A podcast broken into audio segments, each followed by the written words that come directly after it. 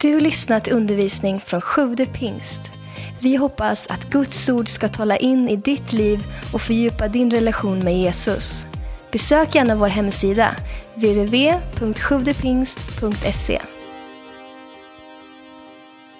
Då står det så här i Markus 5, vers 22-26.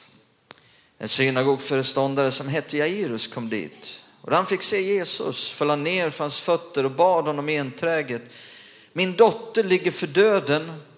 Kom och lägg händerna på henne så blir hon frisk och får leva. Då gick Jesus med honom. Mycket folk följde efter och trängde sig in på honom. Det var en kvinna som hade haft blödningar i tolv år. Fast hon hade lidit mycket hos många läkare och lagt ut allt hon ägde hade hon inte fått någon hjälp. Det hade bara blivit sämre med henne. Vi är nu inne mitt i, i tre veckor av bön och fasta.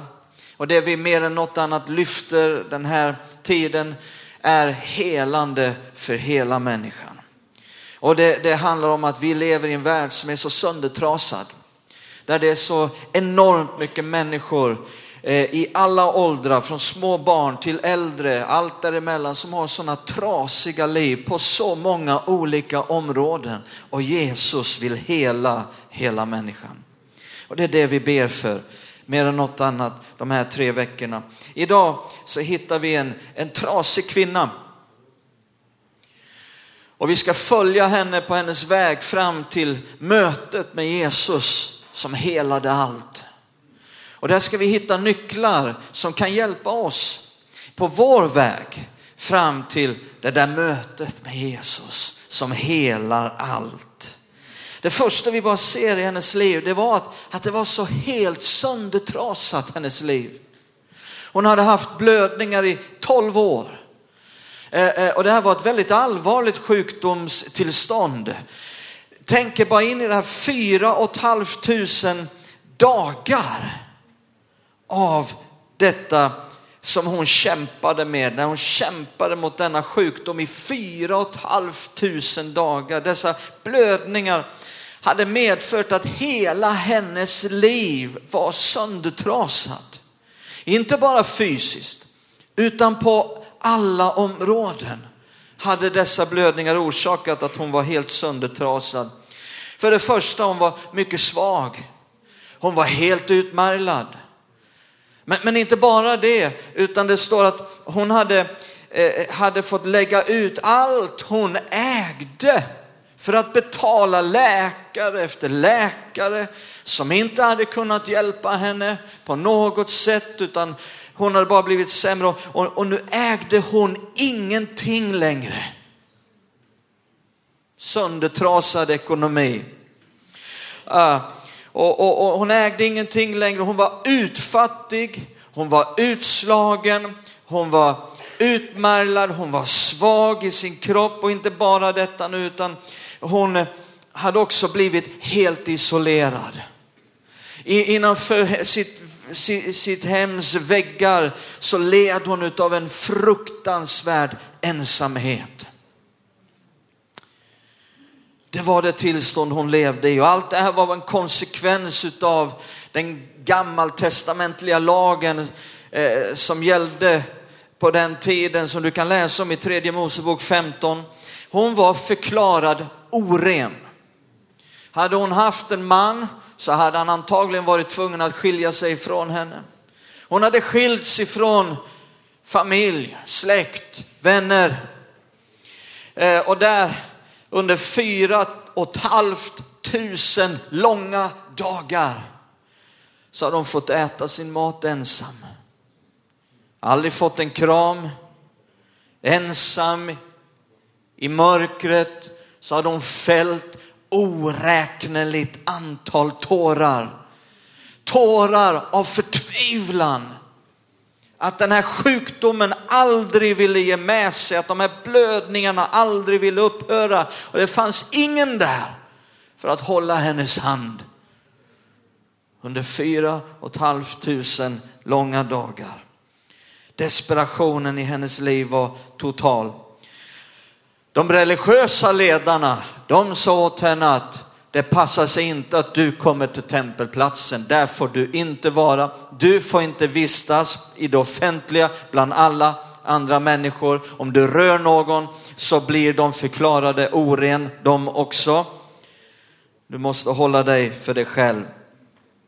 Och dagen då de sista slantarna betalades iväg till läkare som inte kunde hjälpa så släcktes den lilla gnuttan hopp hon hade och ett kompakt mörker av hopplöshet sänkte sig över henne. Men det var då hon hörde talas om en man. Mannen som hette Jesus från Nasaret. Det var då hon hörde. Och här kommer den första nyckeln i hennes väg fram till mötet med Jesus som helar allt. Och vi hittar det i nästa vers, i vers 27. Titta här vad det står i vers. Hon hade hört talas om Jesus. Och nu kom hon bakifrån i folkmassan och rörde vid hans mantel. Kanske där i sin mörka boning och i sin ensamhet.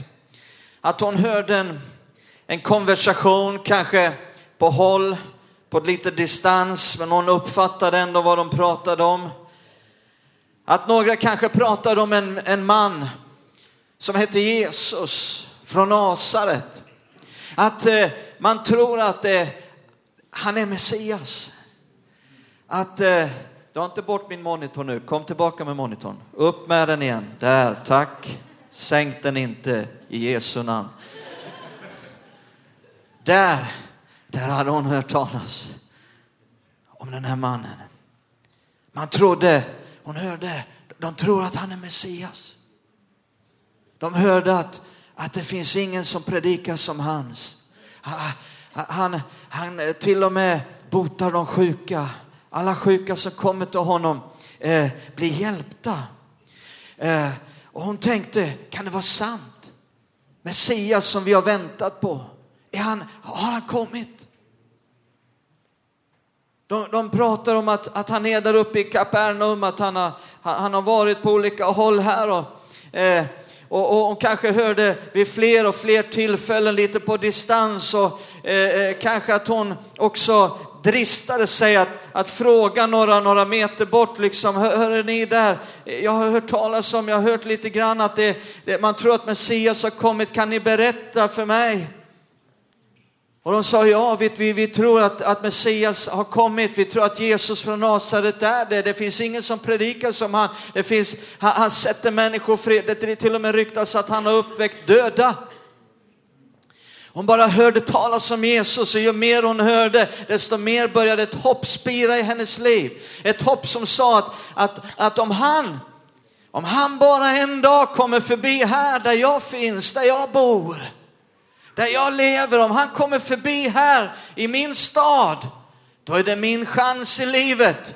Den får jag inte missa. Då är det en chans till förändring, till förvandling. Då kan, kan, jag, kan det här upphöra som plågar mitt liv. Och det här hoppet bara växte till en tro, en förvissning.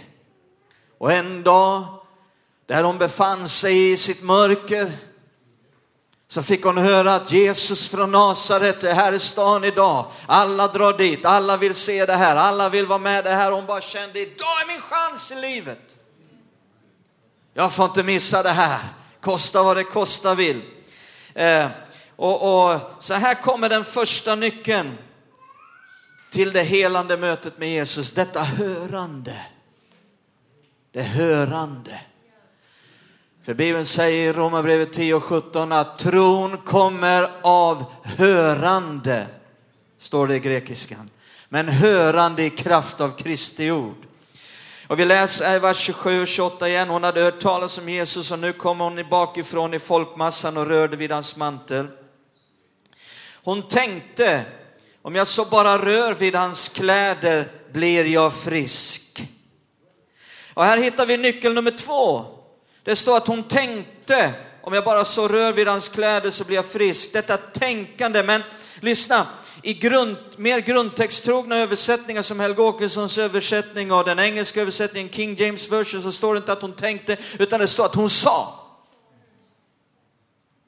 Hon sa för sig själv.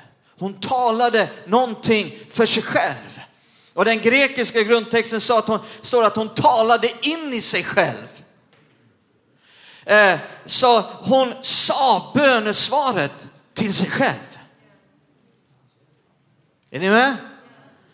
Eh, det är en väldig nyckel. Så på vägen till det helande mötet med Jesus så blir dessa två nycklar så viktiga. Vad är det du hör? Vad är det du säger? Vad är det du hör nummer ett? Se, se upp med vad du hör. Vad, vad, vad, är det du fäster din uppmärksamhet på? Vad är det du hör? Hör du bara massa tvivel? Hör du bara massa otro? Hör du bara en massa det som är emot vad du vill ha? Eller hör du Guds löften? Eh, med, vad är det du mediterar på? Vad är det du tänker på? Vad är det du fyller ditt sinne med? För det kommer att registrera i din ande. Det kommer att fylla dig. Se upp med vad du hör. Och se upp med vad du säger. Vad är det du säger? Talar du i linje med det som du vill se att Gud ska göra i ditt liv? Talar du i linje med Guds löften för ditt liv? Eller talar du emot vad Gud vill göra i ditt liv? Vad säger du? Det är väldigt avgörande min vän. Vad du hör, vad du säger. Och sen så kommer det den tredje nyckeln här direkt. Hon övervann hindren. Hon övervann hindren. För det var, det var inte så enkelt att komma fram till Jesus. Märker vi. För den här kvinnan. Där har vi Jesus. Här kommer den här svaga, den här utmärglade kvinnan som är så, fullständigt svag fysiskt efter 12 år av blödningar. Hon ska bara till Jesus. Hon har en sån stark tro att om jag bara rör vid hans mantel så blir jag frisk. Men där har vi Jesus, men runt Jesus finns Jairus, finns lärjungarna, finns en stor folkmassa som trängs omkring honom. Och hon vet att alla som hon rör vid blir oren. Men hon bad inte till Gud. Gud, ta bort hindren. Nej, med en härlig aggressiv tro så trängde hon sig igenom. Och vet ni vad? Vi behöver en aggressiv tro. Att tränga oss igenom de hinder, de murar, de berg som ibland vill resa sig upp på vägen fram till vad, att möta Jesus. Och precis som för den här kvinnan med, med blödningar så kan det finnas människor som kommer i vägen. Det var människor som var i vägen för henne. Hinder och berg och murar, det kan vara många olika saker. Men, men det kan också vara precis som för den här kvinnan att det, det är människor som kommer i vägen. Har ni lagt märke till det? Jag menar, men hon hade ett fantastiskt tunnelseende det måste man säga. Ibland behöver vi ha tunnelseende i de här sammanhangen. Jag menar, hon, hon, hon frågar inte lärjungarna om audiens att få möta Jesus. Jag menar, tänk om hon skulle ha gått till Thomas och frågat om audiens hos Jesus. Vad hade Thomas sagt? Nej, det tvivlar jag på att det kan bli till något möte med, med Jesus här idag. Det ser du ju själv. Han har viktigare saker för sig. Jag tvivlar på att du överhuvudtaget kan bli hjälpt. Hon behövde tränga sig förbi de här tvivelmänniskorna med sina människotankar. Tänk om hon hade frågat Judas. Vad hade Judas sagt? Ja, det ser jag på en gång att här blir inget möte med Jesus, du, du, du har ju inga pengar. Jag är kassör här och jag tar betalt. Du får allt betala. Du ska möta Jesus. Vad hade hänt om hon hade frågat Jairus? För han är ju föreståndare i synagogan i alla fall. Jairus, kan du vänta lite medan jag träffar Jesus? Jag ser att det är väldigt viktigt för dig nu här, men du måste vänta lite nu Jairus. Kan du vänta lite? Vad hade Jairus sagt? Men vad gör du här? Du får inte vara här. Spring hem innan någon ser dig. Hon trängde sig igenom allt det där. Hon visste att allt det där var på vägen fram mot Jesus, eh, att möta Jesus. Eh, och på samma sätt så kan det finnas människor i våra liv, inte bara just nu, utan människor vi har mött genom hela vårt liv, från vår barndom, under vår uppväxt, på olika håll, på olika kanter. Vad människor har sagt, vad människor har gjort genom hela vårt liv kan bli till hinder. Och vi behöver börja få tunnelseende för att tränga oss fram genom allt det här till mötet med Jesus. Och så kommer den fjärde nyckeln. Hon inte bara hörde, hon inte bara sa, hon inte bara övervann hindren, hon rörde. Hon rörde. Hon rörde vid Jesus i tro. Eh, hon rörde inte på vilket sätt som helst. Hon rörde inte på ett vacklande sätt där hon eh, tänkte, ja man, vi testar Jesus, kan ju alltid vara bra. Vi testar, får vi se om något händer. Nej, det var inget vacklande sätt hon rörde Jesus vid, utan det var mer med en härlig pitbull-liknande attityd. Är ni med? Hon grep tag. Och hon tänkte det är mitt nu, jag har det nu och jag släpper det inte. Och på samma sätt så sa Jesus att när ni ber, när ni begär, tro att ni har fått det. Inte tro att ni ska få det någon gång i ljuva framtiden. När vi alla mötas där på andra sidan strand. I det gyllene, nej, inte någon gång i den ljuva framtiden. Jesus sa när ni ber. Just då när du begär. Jesus sa vi får begära. Ibland behöver vi bli lite mer aggressiva. Precis som Martin var inne på här. När han läste från Lukas evangelium om änkan som begärde sin rätt. Inte utav domaren utan av motparten. Det finns en motståndare, det finns det som är fientligt och där, av den anledningen, behöver du börja bli aggressiv. Som änkan som Martin läste om. Jag begär, det här är min rätt, läste Martin. Det här är min rätt. Jesus har gett oss rätten. Är inte det underbart? Genom vad han har gjort, genom sin död, genom sin uppståndelse har han gett oss söners rätt, säger Galaterbrevet. Halleluja. Åh, vi behöver veta vår rätt. Och begära. Och Jesus sa när ni ber och begär, tro att ni har fått det. Och då kan vi med en härlig pitbull-liknande attityd bara gripa tag om det och säga det är mitt nu, jag har det nu, Och även om jag inte ser det, även om jag inte känner det, mitt nu, har det nu, jag tar det i tro, därmed jämt, jag släpper det inte. Och då säger Jesus, då ska det ske så. Och titta nu vad det står i, i nästa vers, vers 29.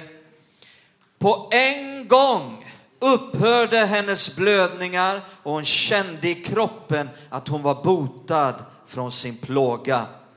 Den läkande kraften strömmade ut från Jesus och hon kände att hon hade blivit botad. Och hon ville ropa ut sin glädje. Men hon tyglade sig. För hon tänkte att nu har jag det. Det är mitt nu. Men nu gäller det att inte bli upptäckt. För då kan det sista bli värre än det första.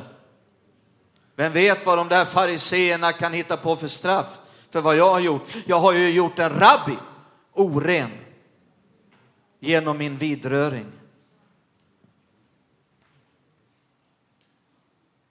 Nu gäller det att inte bli upptäckt.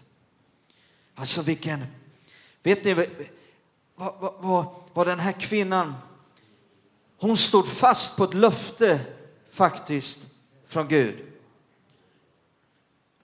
Jag vill ta med det här, jag har inte riktigt i mina anteckningar här, men, men titta i Malaki ska ni få se vad det är som gör att, att den här kvinnan agerar som hon gör. Titta i Malaki, det fjärde kapitlet.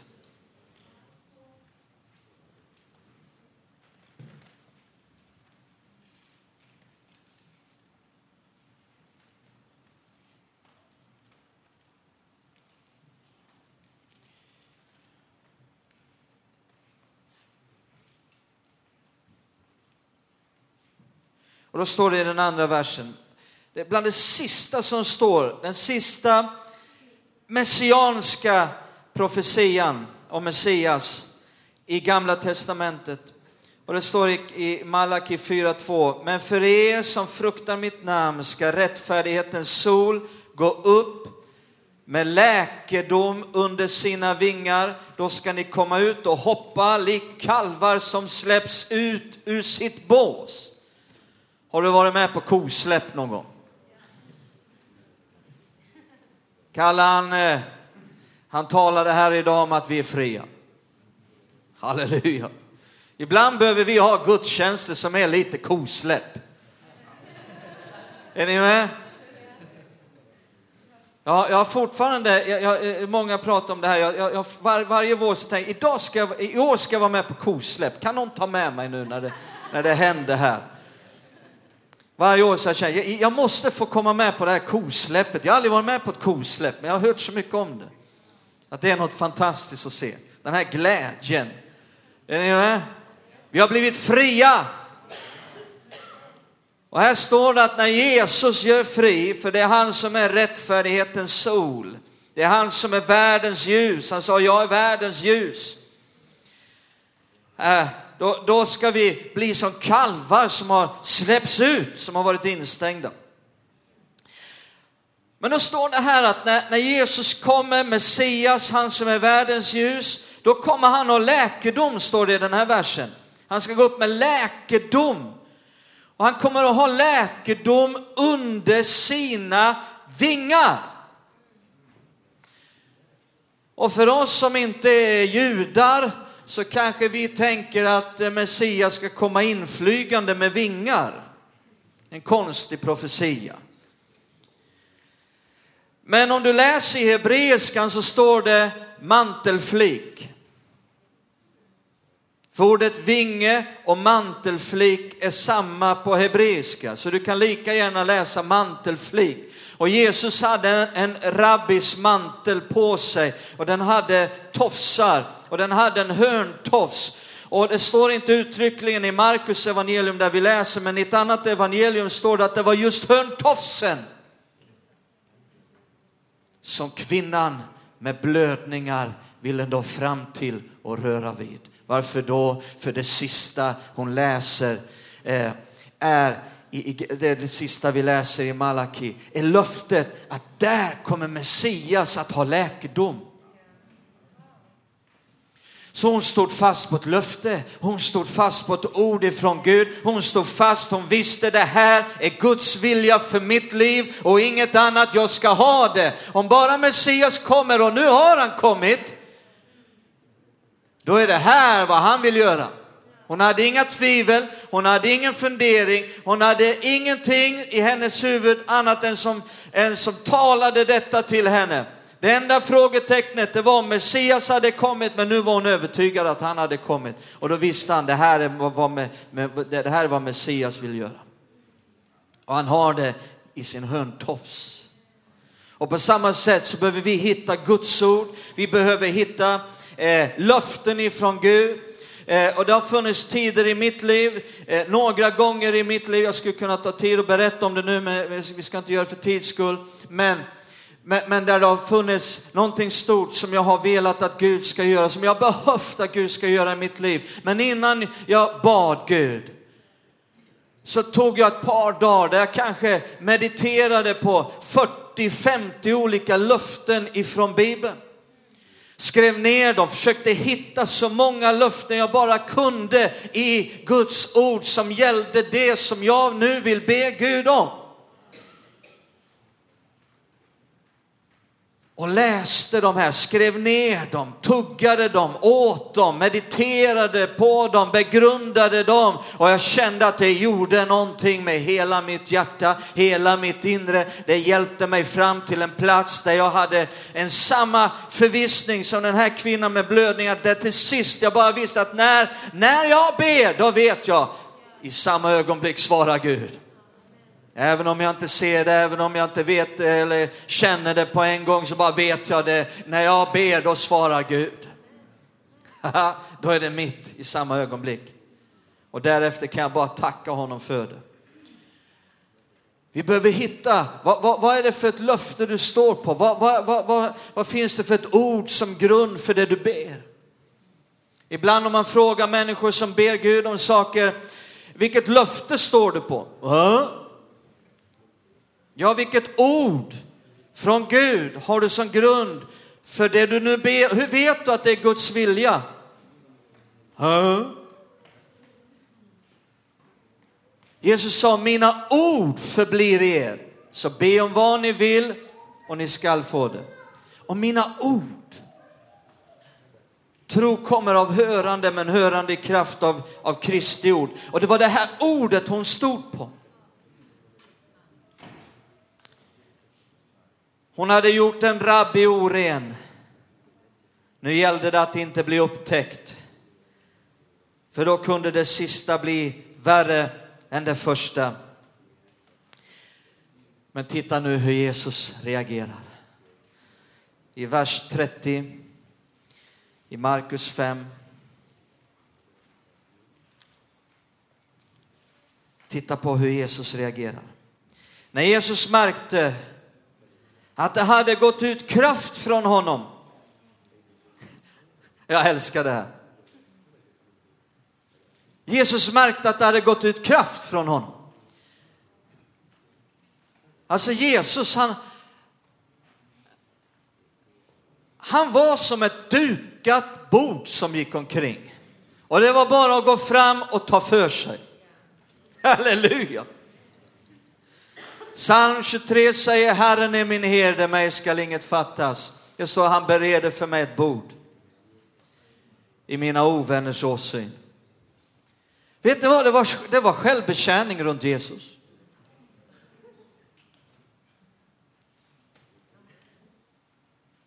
inte det underbart? Det var bara att komma och ta för sig. Jesus nekade ingen. Alla som ville, det var fritt och komma och ta för sig. Halleluja. Om någon undrade om Jesus ville, då sa han jag vill. Aldrig sa han jag vill inte. Han sa aldrig att det finns en mystisk anledning varför du ska ha det här i ditt liv. Inte ens jag vet, bara Fadern vet i sin suveräna vilja. Du ska nog lära dig. Nej, han nekar aldrig någon. Och Jesus sa, när ni har sett mig har ni sett Fadern. Är inte det underbart? Och Jesus han märkte kraft i Gud. Och så vänder han sig om och så står det här. Han vände sig om i folkskaran och frågade Vem rörde vid mina kläder? Hans lärjungar, jag läser vidare, hans lärjungar sa till honom, du ser hur folket tränger sig på dig och du frågar, vad är det för en konstig fråga Jesus? Alla rör vid dig. Det var bara tjockt omkring Jesus. Alla skulle fram, men det var ett speciellt vidrörande. Det var ett vidrörande i tro. Han fortsatte att se sig omkring efter kvinnan som hade gjort detta. Hon visste vad som hade skett med henne och kom förskräckt och darrande och föll ner för honom och talade om hela sanningen för honom. Och sa han till henne, min dotter, din tro har frälst dig. Gå i frid och var frisk och fri från din plåga. Wow, vilken respons. Jesus, han sa, vem rörde vid mina kläder? Och det gick kalla kårar genom hela kroppen på henne. Hon tänkte, nej, jag är upptäckt.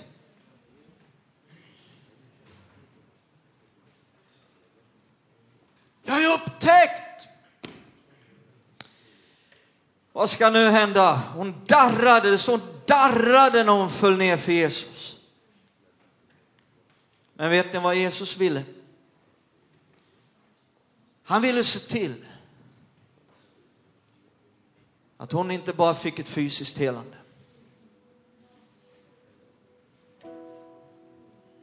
Han kunde ha märkt att det hade gått ut kraft. Han kunde ha förstått att det var någon som tog emot. Någon blev helad. Men han ville någonting mer. Han ville helande för hela människan.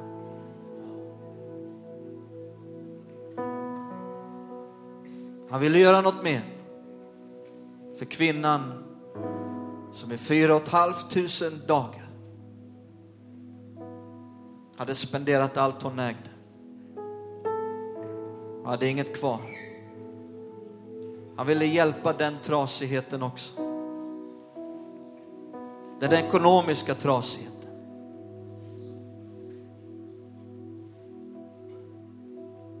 Han ville hjälpa henne som fyra och ett halvt tusen dagar hade fått sitta ensam i mörkret med sina tårar. Han ville hela de sociala missförhållandena. Han ville gå djupare med sitt helande. Ett emotionellt, själsligt helande. Vad var Jesus ville?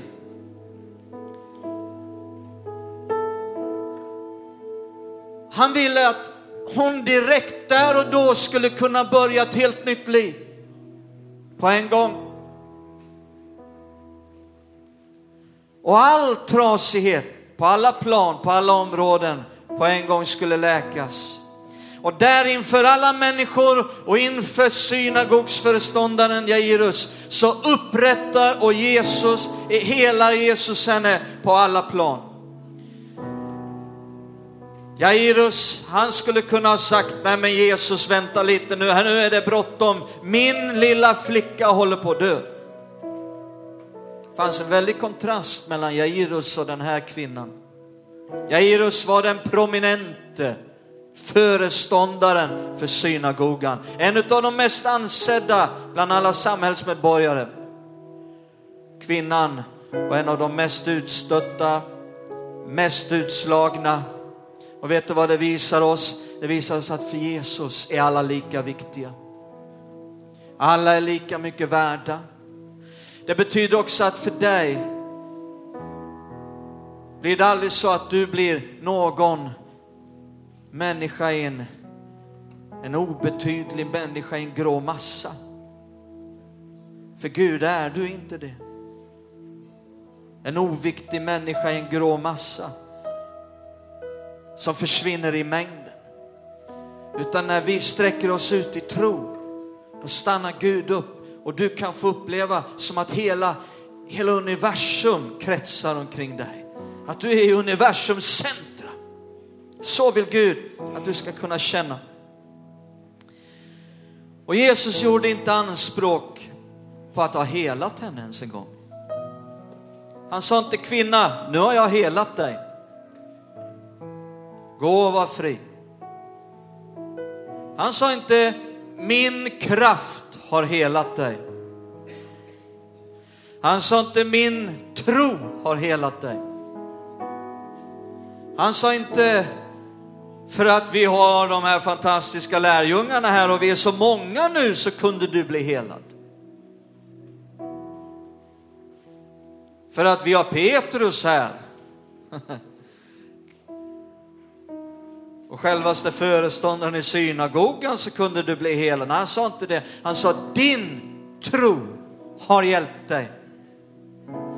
Och vet du vad, om hennes tro kunde hjälpa henne så kan din tro på Gud hjälpa dig. Visste du det? Jesus sa om vi bara har tro som ett senapsfrö så kan vi flytta på mullbärsfikonträd. Jag vet inte varför jag skulle vilja flytta på dem men det kan finnas ett och annat träd som är i vägen. Men eh, du har bara tro som ett litet senapsfrö. Då kan en del tänka, men, och känna efter liksom, ja men jag har, jag, jag har inte ens tro som ett, jo de flesta har tro som ett senapsfrö. Men vet du vad hemligheten ligger i? Att göra någonting med det. Och börja agera som den här kvinnan. Enligt de här nycklarna. Hon hörde, hon sa, hon övervann hindren. Hon rörde på ett speciellt sätt. För Jesus sa om du har tro som ett senapsfrö och du säger till mullbärsfikon, du måste göra någonting med det. Agera. Ska vi stå upp tillsammans? Herre, vi tackar dig, vi prisar dig. Tack att du i den här tiden är densamme som för 2000 år sedan. Tack att du förändras inte. Du är densamme. Tack att du i den här tiden vill hela människor på alla områden. Och Fader, Gud, vi vill vara en kyrka som inte stänger sig inne. Som bara tänker på sitt och tar hand om sig själv. Utan vi vill vara som du Jesus, du gick ut. Överallt där människor var. Jesus, du var inte någon som hade stängt sig in i någon hydda uppe på en bergstopp och där satt du och mediterade. Och alla fick snällt komma till dig. Jesus, du gick ut. Där alla var. För att man skulle kunna enkelt komma fram till dig. Och Herre, vi ber i den här tiden till dig att vi ska kunna vara en kyrka som är ute bland människor. Som är relevant för den här tiden. Som gör det enkelt för människor att nå fram till dig.